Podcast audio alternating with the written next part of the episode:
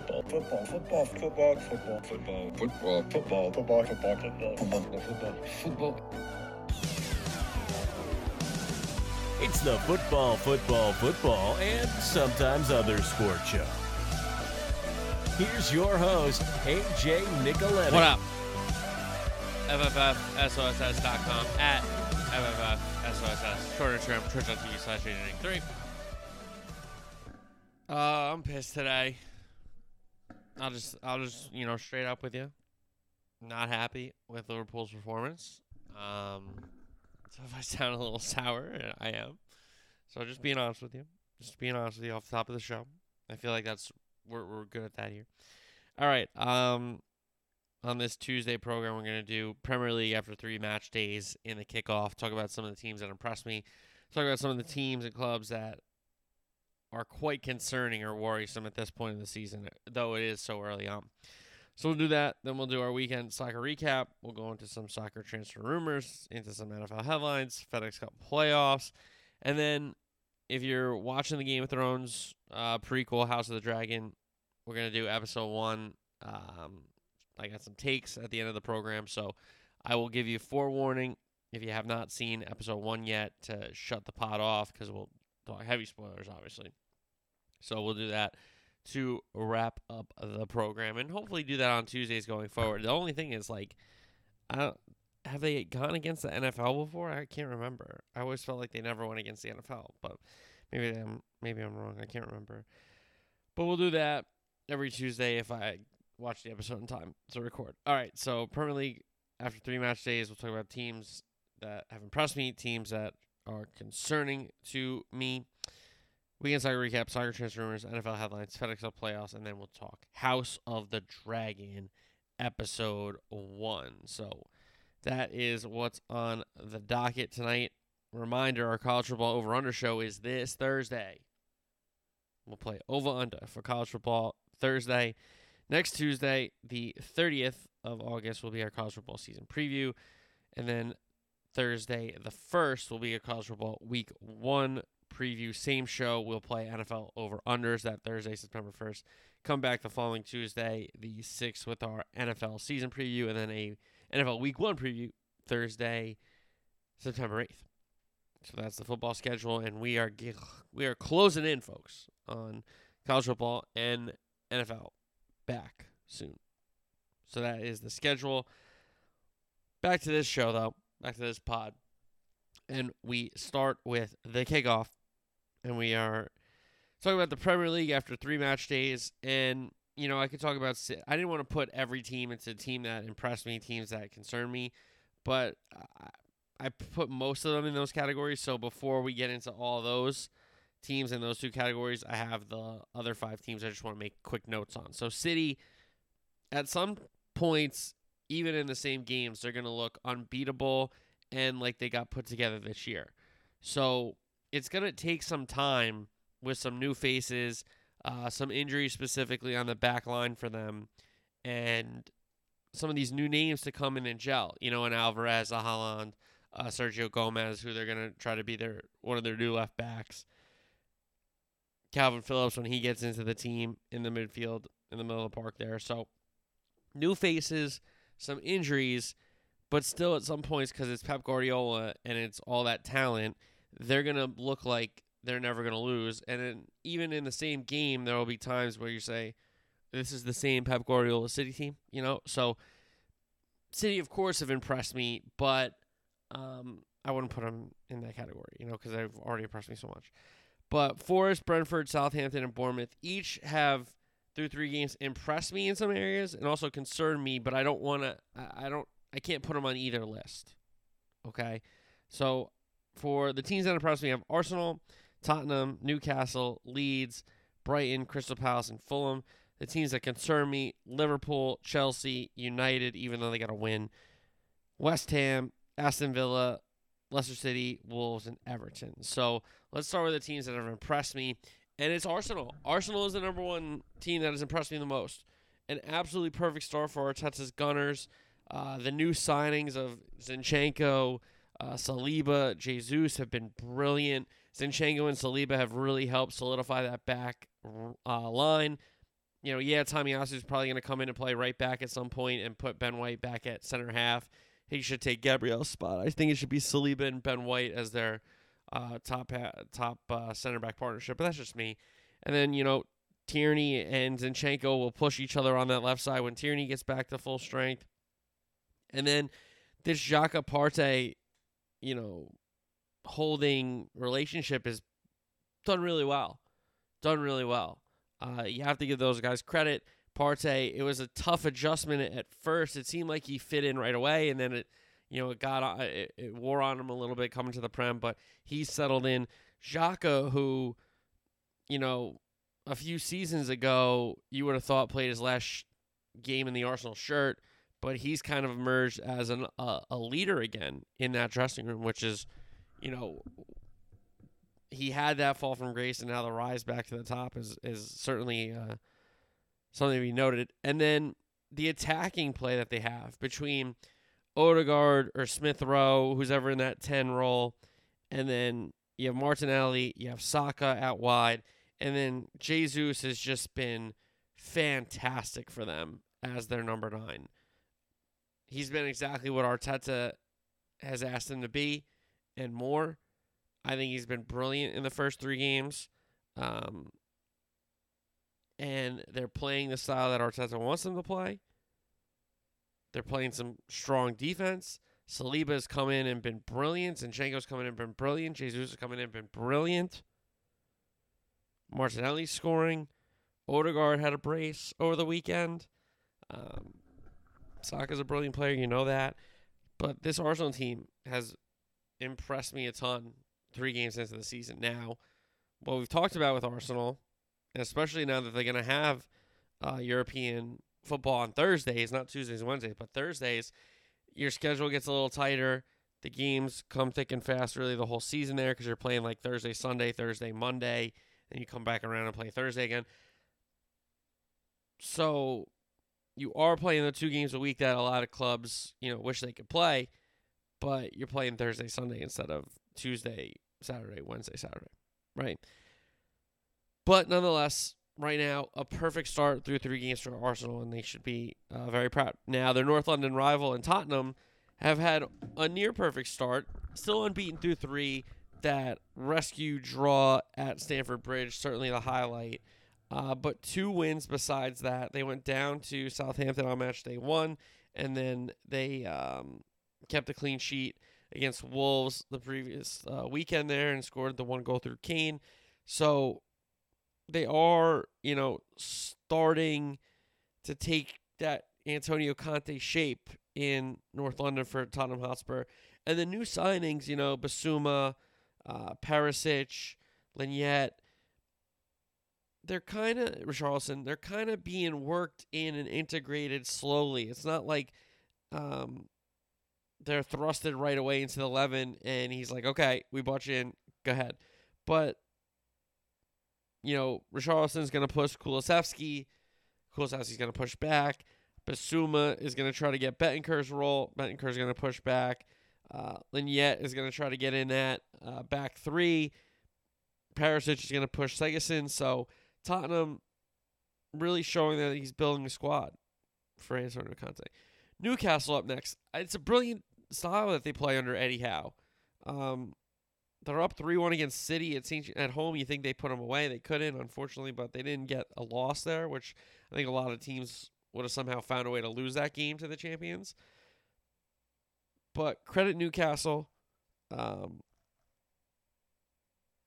they have a really strong, like, I'd say 11, 12, 13 players. They don't have a ton of depth.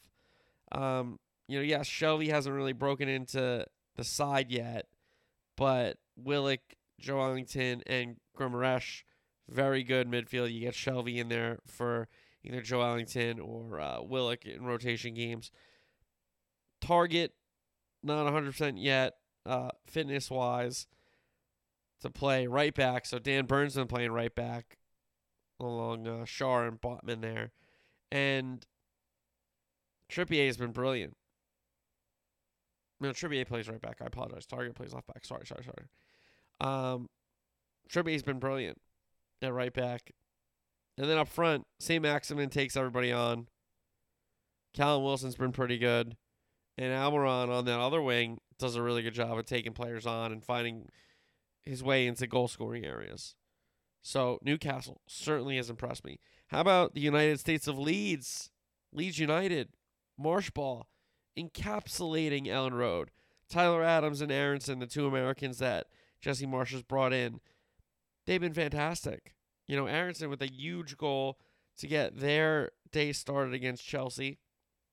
Then they went on to uh, winning a 3 0. You know, Bamford gets banged up. You lose Calvin Phillips in the middle of the park. You got to turn to different people to help out, and you bring some guys in. Um, Rodrigo can play up front. You lose Raphinha as well, so you lose two of your most important players in Raphinha and Calvin Phillips. But here are Leeds. Impressive so far through the first three. Brighton, a good start for uh, Graham Potter's squad. Two wins and a draw, including a win at Old Trafford. Um, they played well. Give them credit.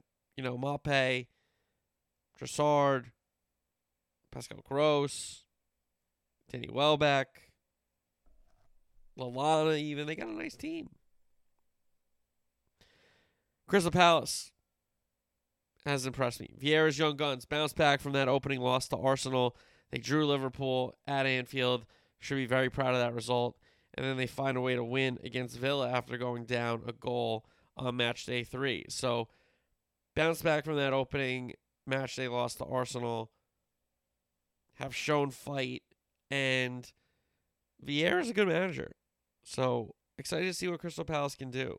You know, a top half finish for them would be very good. Very good for sure. Stay in London. Fulham, the last team that has impressed me. A win and two draws to start their campaign. You know, give them credit in that Liverpool match. Match they won. Came out to play. Um, certainly say they deserve to win. To get only one point there is almost harsh, but that's what happens. Um, they get another draw. And then you beat Brentford, who they fought to get back in that match, and then you find a way to win it with Mitrovic.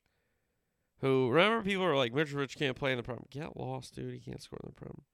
So those are the teams that have impressed me so far: Arsenal, Tottenham, Newcastle, Leeds, Brighton, Crystal Palace, and Fulham. Now the teams that are concerning me. Some worry me, but concern is the word I want to use, and it's Liverpool a start. No wins in three. Injuries galore on the def- back line and in the midfield.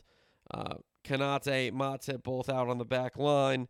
In the midfield, no Curtis Jones, no Naby Keita, no Thiago, no Oxlade Chamberlain. Up front, no Jota, and also no Nunez because of the suspension. And Nunez already in one start has shown the rest of the league and also the rest of Europe how to piss him off to get him sent off. You know, he's going to get provoked in every single match going forward from now on. And hopefully he's learned and his teammates have stepped in and said, hey, listen, everyone's going to try to provoke you. You can't let it get down on you. You know? So no wins in three for Liverpool. The worst season since the start of the 2012-2013 season. It's the worst start under Jurgen Klopp and his regime in the Merseyside, and they've conceded the first goal in seven straight Premier League games, and against United was the first time they've lost. So they've bailed themselves out, but they've always dug holes. They haven't had opportunities to be ahead in these games. They've been chasing the game. Really for the last seven. So no wins in three, a lot of injuries for Liverpool, and a striker who has a temper and has shown the league and the rest of the continent how to get him sent off. So Liverpool, certainly a team that concerns me. Chelsea, a team that concerns me because they don't have enough defenders. They need more defenders. They need to go get Wesley Fofana. They have to go get Wesley Fofana from Leicester City. Um, they need to bring him in because, you know, though Loftus Cheek is a nice depth guy, you can put him in a lot of positions. You know, same thing with the, kind of a Hudson Odoi. You need Reece James to be your right wing back, and you need a right center back, and you can't have Reece James play right center back, and you can't have Azpilicueta play all the games that he played last season for you. So, to me, Reece James at right center back is kind of a waste. He needs to play right wing back, and you have to bring in Wesley Fofana. You have to. You have to bring in Wesley Fofana. Um, they don't have enough defenders. You know, Raheem Sterling's a nice signing. He's going to play all the time, but you got guys like Pulisic and Ziyech. Ziyech, you got to figure out if you're letting him go or not. And Pulisic has to get a start for me one of these days. So, you know, Gallagher gets a chance to replace Kanté. I don't really see him as that player. I see Gallagher as more of an attacker than kind of that holding box to box guy. But Chelsea concern me. They don't have enough defenders, and there is a little bit of a transition going on up front. There is. So United, one win doesn't solve the first two performances. So let's let's give it a few more matches. Um, you know, give Ten Hag credit. He got it right against Liverpool with Elanga, with Sancho on the wings, um, sitting Ronaldo, sitting Maguire.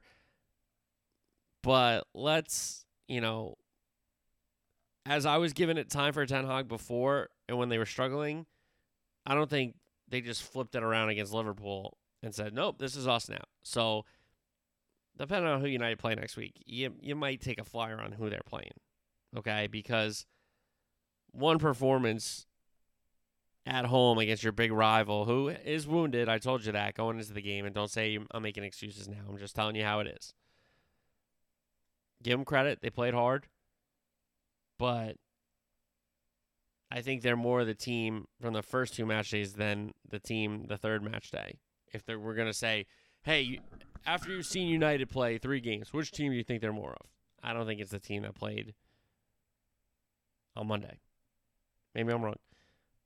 West Ham, very concerning. Three games, three losses, haven't scored a goal. Um, I told you I was concerned about West Ham kind of heading into this season because I don't think they got younger. Um, they haven't made a decision with Declan Rice whether they want to secure him long, long term or you know maybe put him up for sale to replenish the the troops. You know, Kelleher is not a bad pickup, but he immediately comes in and gets a penalty and sent off. Which, um, correct me if I'm wrong, that's not good. I don't think you want to do that. Um, sorry, he gets a penalty and gets sent off. But they haven't scored a goal. That's really bad. So West Ham's certainly a team with David Moyes that I'm concerned. Aston Villa, Steven Gerrard, they beat Everton they're on the list because the other matches have not been so good. Um,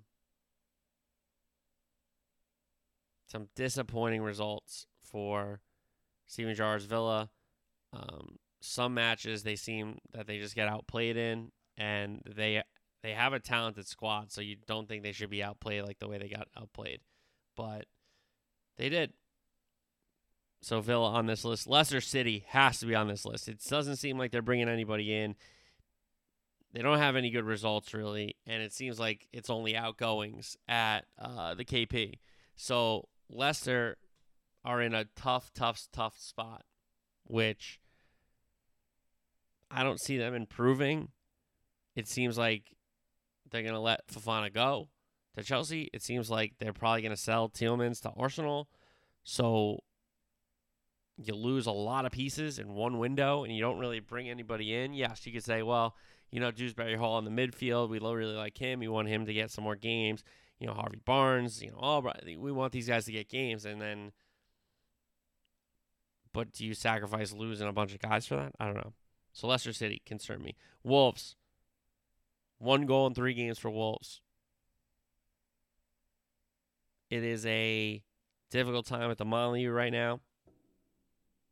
They've brought in a lot of new faces I think you got to give Bruno Lage a little bit of time, but still concerning start of the season for Wolves. And then Everton doesn't look like there's a ton of reinforcement in sight. Uh, Chelsea wants to come get Anthony Gordon, one of their best young players, Everton. So it doesn't look great for Everton. You know, Calvert Lewin being out really, really hurts.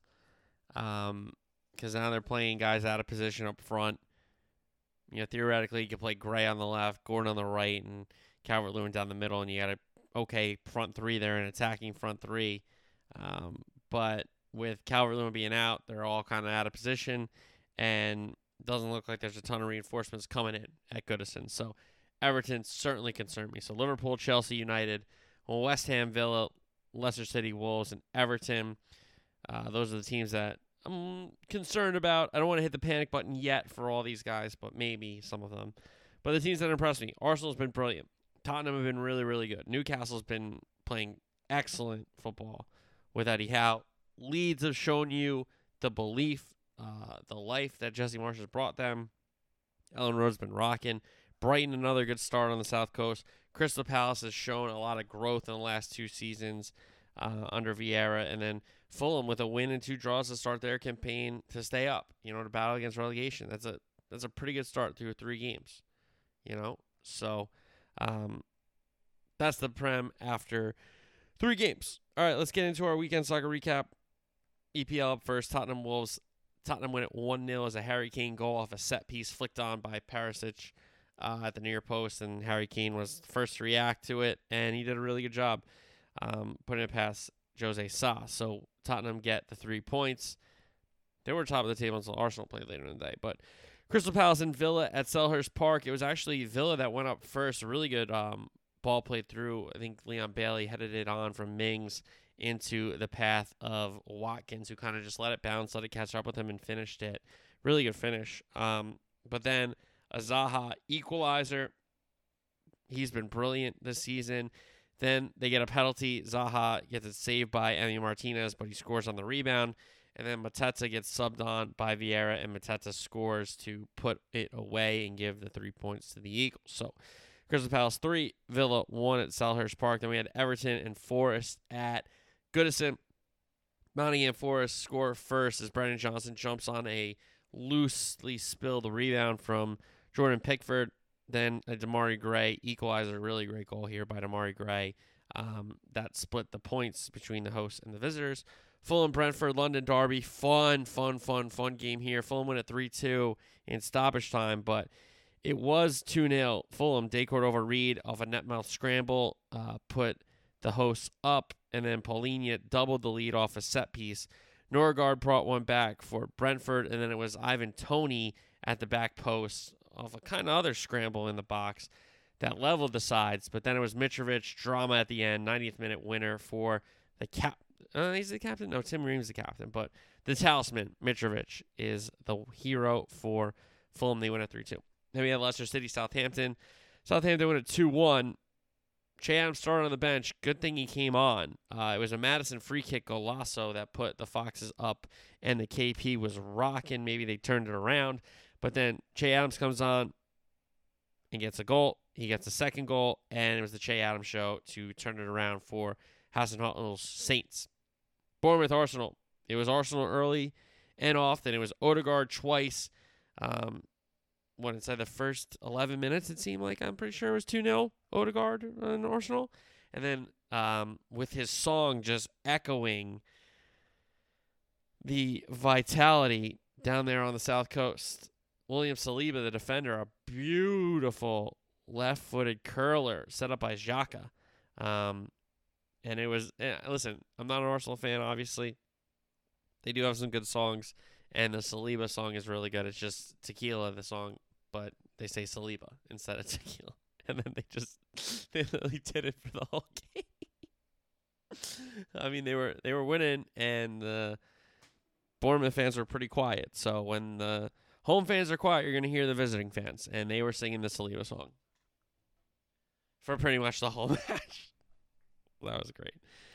So Arsenal get their 3 0 win, the three goals, their clean sheet. So Ramsdale was pretty happy. Leeds and Chelsea, another 3 0, but not to Chelsea. It was Leeds. Leeds win it 3 0. Aaronson takes it away from Mendy. a brilliant job of pressing and then uh, execution for Aaronson to put Leeds up 1 0. Then was a Rodrigo goal on a set piece, and then a Jack Harrison goal at the uh, far post. Really good finish there. Koulibaly got sent off for two yellows, so he scores a goal. Last week, he gets sent off this week. Welcome to the Prem, uh, Koulibaly. Chelsea played. They they seemed to be the better side until the goals happened, and then they just kind of I don't want to say the Q word. I don't want to say they quit on Thomas Tuchel, but um, it just seemed that they kind of buried themselves and put their heads in their hands, and Leeds just wanted it more. West Ham Brighton. Brighton win a 2 0. A Mac Allister PK and then a Trossard goal. Brilliant hold up play by uh, Pascal Gross, if I'm not mistaken, to get it into Trossard's pass. So that one finished 2 0 Brighton. Then one of the games of the weekend, if not the game of the weekend, Newcastle, Man City, St. James Park.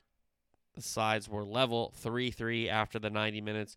Gundogan opened the scoring for City, but then Almiron leveled the sides. It wasn't given a goal at first, but I was like, why is this not a goal? And then it was given, so it was 1 1. Then Callum Wilson gave the host a lead that sent St. James Park in a frenzy until it, it, seemed to get louder with the Kieran Trippier free kick golazo. Uh, so Newcastle were up 3 1 at one point there in the second half until Erling Haaland brought City back within one. And then maybe the pass of the season already. This De Bruyne through ball, you know, reverse through ball Megs Willock sets up Bernardo Silva. All he has to do is kind of dummy Pope a little bit, and he, he chipped it past him to level the sides. Hey, Nick Pope played, great for giving up three goals, by the way. I mean, he played fantastic. Um, Trippier was given a straight red. VAR told the ref to go look at it. I didn't think it was a red at first. Um, I thought the contact was kind of high on the leg, but thankfully for Trippier's sake and the Newcastle supporters' sake, that and Eddie Howe's sake, um, the studs were down, so it wasn't a studs up high challenge. It was just kind of a high challenge, which to me, I wouldn't say is a red. Um, I thought it was a fair yellow and deemed as such. And then we had a, a fun end of the match, and neither side could get a winner. So that one, City finally dropped points through three games. Finally, that was a joke, but um, one point each for Newcastle and Man City. So that takes us to Monday's match. Manchester United, Liverpool. Uh, no Maguire, no Ronaldo. They were on the bench for United for Ten Hag. Um, goes with Elanga, goes with Sancho. Um, went with the Eriksen McTominay holding two midfield. Big call for Malacia, the new guy. Big call for Diogo Dalot. Um, and we know Lisandro Martinez and Varane as a center back pairing. For Liverpool, I don't know why Klopp didn't start Fabinho. I think he's one of the best players in the team in an important game. I feel like he has to be in the spine of the team. Um, Milner to me is a a nice piece for cup games as a leader and a good sub to come on and seal a game off if they need to. I don't think he should start a game away at Old Trafford. I'm not trying to knock him, but I thought it should have been a Fabinho, Henderson, Elliott midfield, or even a Fabinho, Elliott, Carvalho midfield. To be honest, I thought I, I thought he would have went more attacking. Um, but really bad job by Liverpool on the first goal. Sancho seemed to be in the box for 10 minutes there. Virgil van Dijk, I don't think would have ever stepped up for some reason. Um, and he got a talking to by James Milner, But Sancho, his first goal in a while for United, so give him credit. Um, Liverpool somehow don't get level with a really good goal line clearance um, by Martinez. So it's 1 0 after the Sancho goal at half.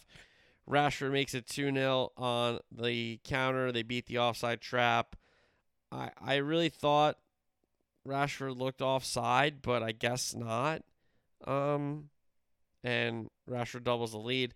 Liverpool do get back in it around uh, the 82nd minute, I believe. It was Mo Salah who finished off a uh, kind of scramble in the box, but Liverpool couldn't get even, and United take the three points. And credit United, they play better. Liverpool didn't deserve a result in this game. Um, again, it's the seventh time they've conceded the first goal in a row in the Prem.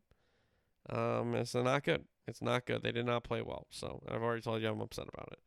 All right, La Liga, Real Madrid. No Casemiro, no problem. We'll get to that in a second. Uh, Madrid beat Celta Vigo 4 1. Benzema penalty. Then Modric, Vinicius, and Valverde, the other goal scorers for the Madristas. Villarreal beat Atletico 2 0. Barca beat Real Sociedad 4 1. Lewandowski, then Dembele, Lewandowski for his brace, and then Fati for his goal. He got two assists, by the way. One to Dembele, one to Lewandowski off the bench. So a goal and two assists for Fati off the bench. Serie A, Inter beat Spezia Calcio 3 0.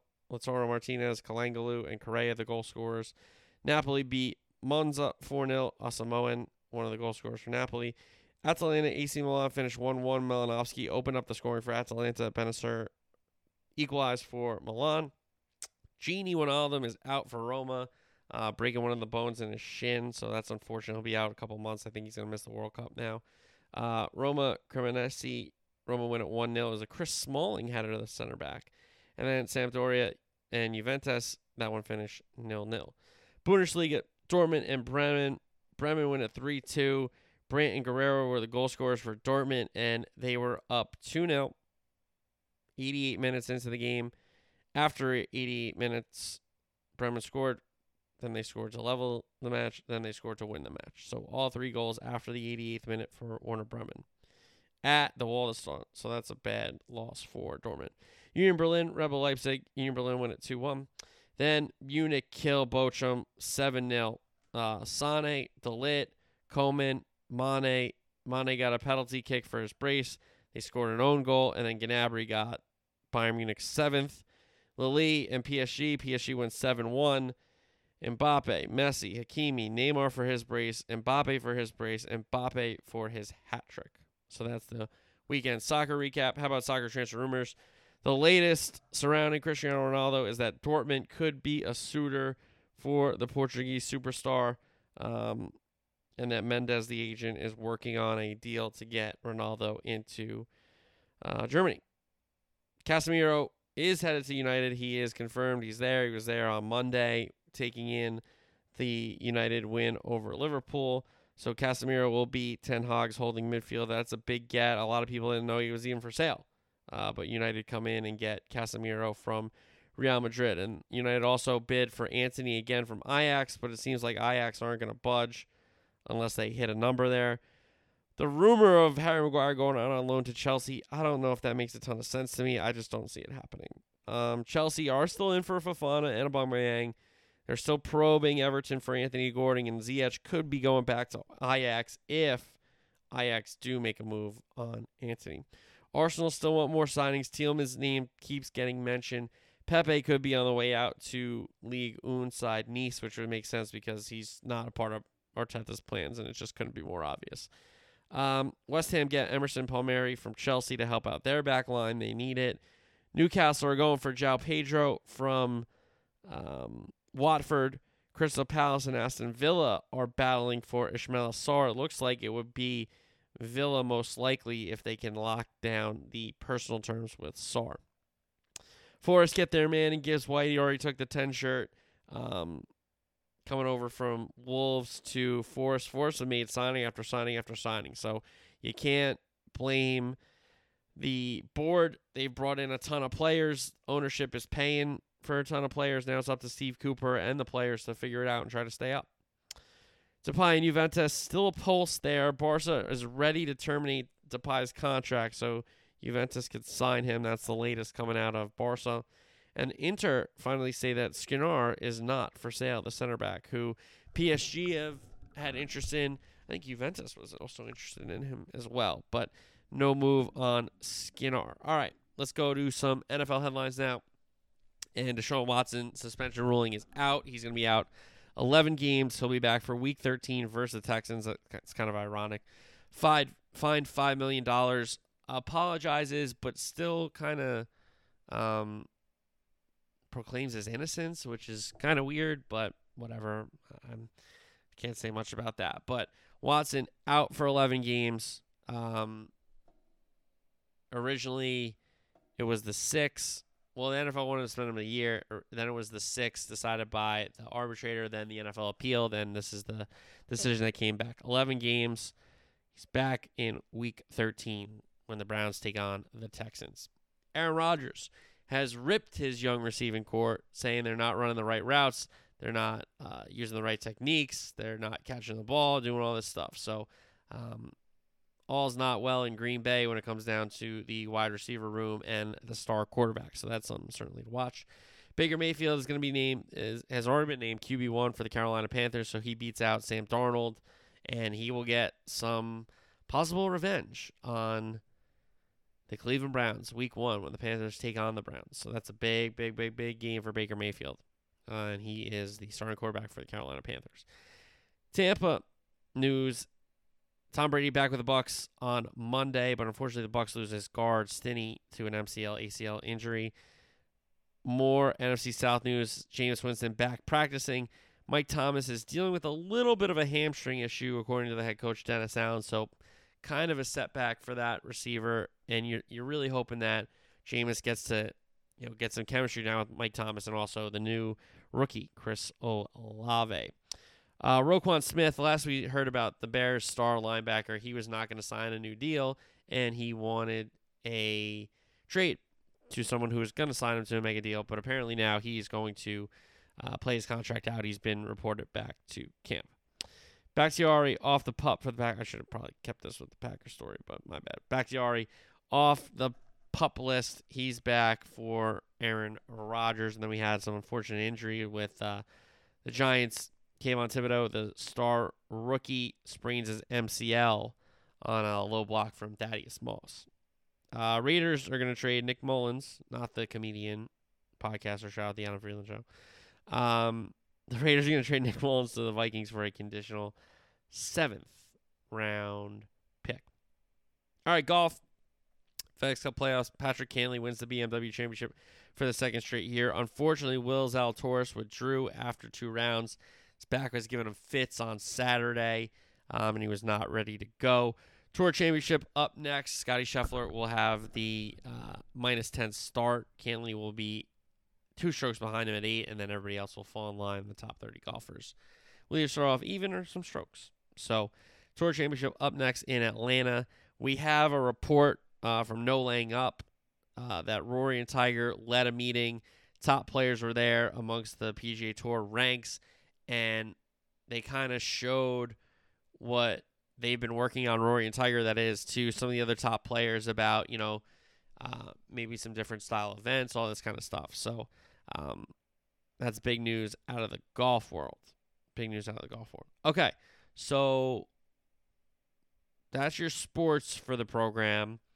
Now we're going to talk about House of the Dragon. So if you are going to watch HBO's Game of Thrones prequel, House of the Dragon, and you have not seen episode one yet, stop the podcast right now. Stop it. Don't listen further. I'm going to talk about the show. I don't want you to have any spoilers. So stop. So hopefully everybody stop. Um, but just in case, spoilers, spoilers, spoilers, spoilers, spoilers, spoilers, spoilers, spoilers, spoilers, spoilers. House of the Dragon. Um, I'm impressed. I think the premise is really cool. I think it's a good time to do a prequel. It's not, you know, Robert's Rebellion isn't right around the corner. It isn't. We're not watching Robert's Rebellion. We're not watching a Children of the Forest prequel where nobody knows any of the characters and those characters kind of don't matter. Um, but we're in a really interesting time. The Targaryens reigning. Um, it's a good premise. I thought it was a really cool opening prologue showing Jaehaerys, uh, who is a great king, Jaehaerys Targaryen, who, if you remember, Jon Snow's real name is Jaehaerys, so he's named after this king. Um, I thought it was a really cool opening prologue showing some of the backstory, showing the precedent that they didn't vote a woman king um, the last time. This was kind of a choose your own heir adventure, as you could say. So we got a good premise. We got a good opening prologue, I thought, that set up the current show. So I, really like the beginning.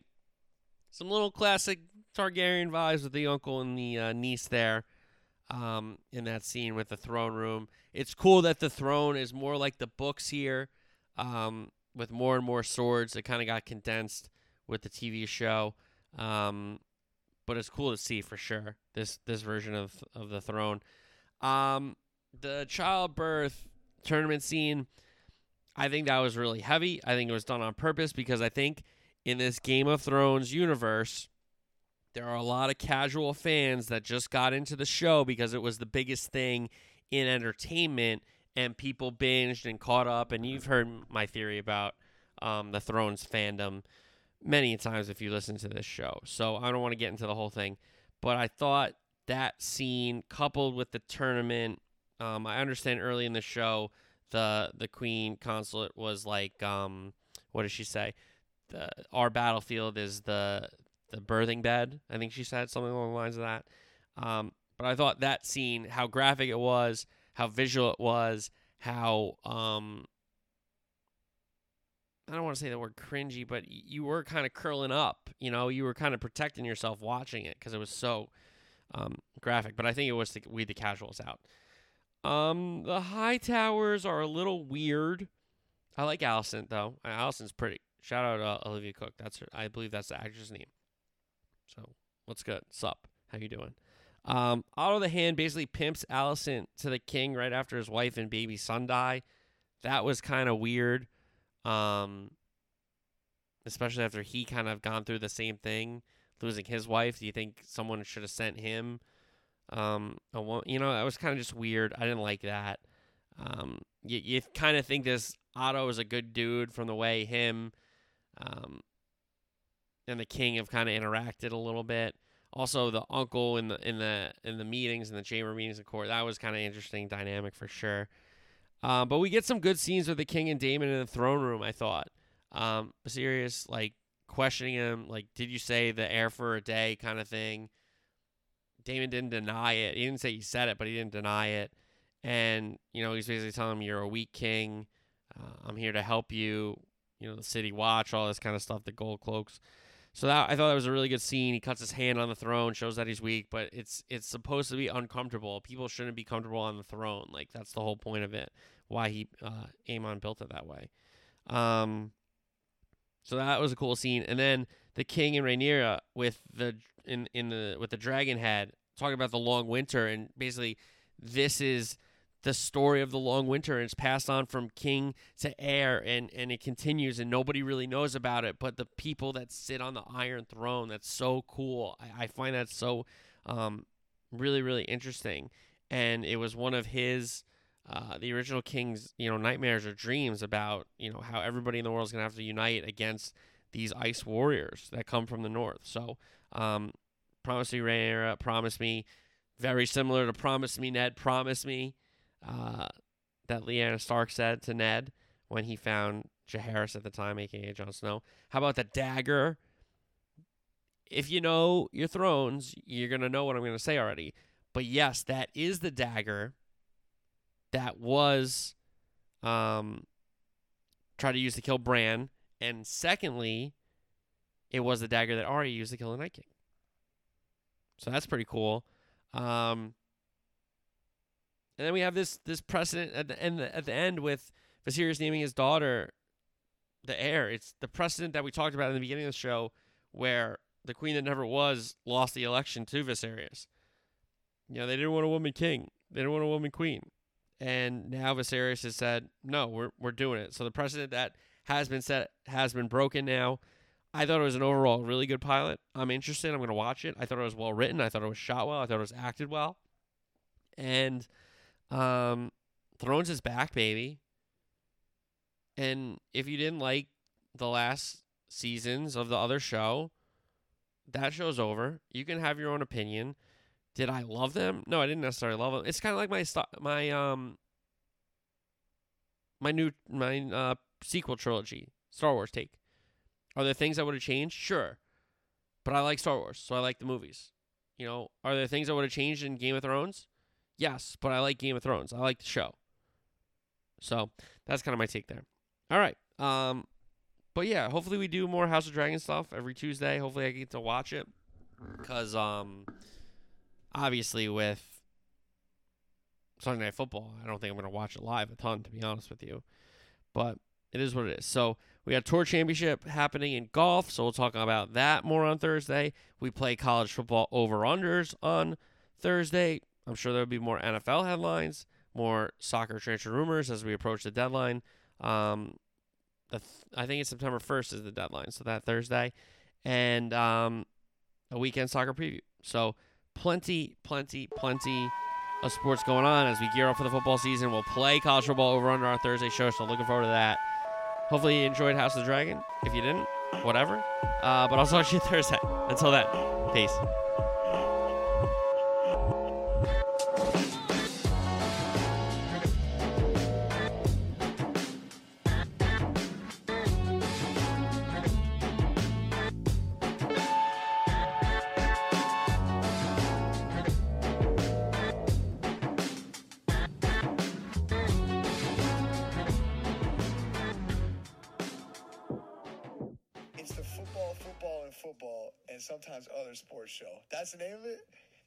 Check out his podcast.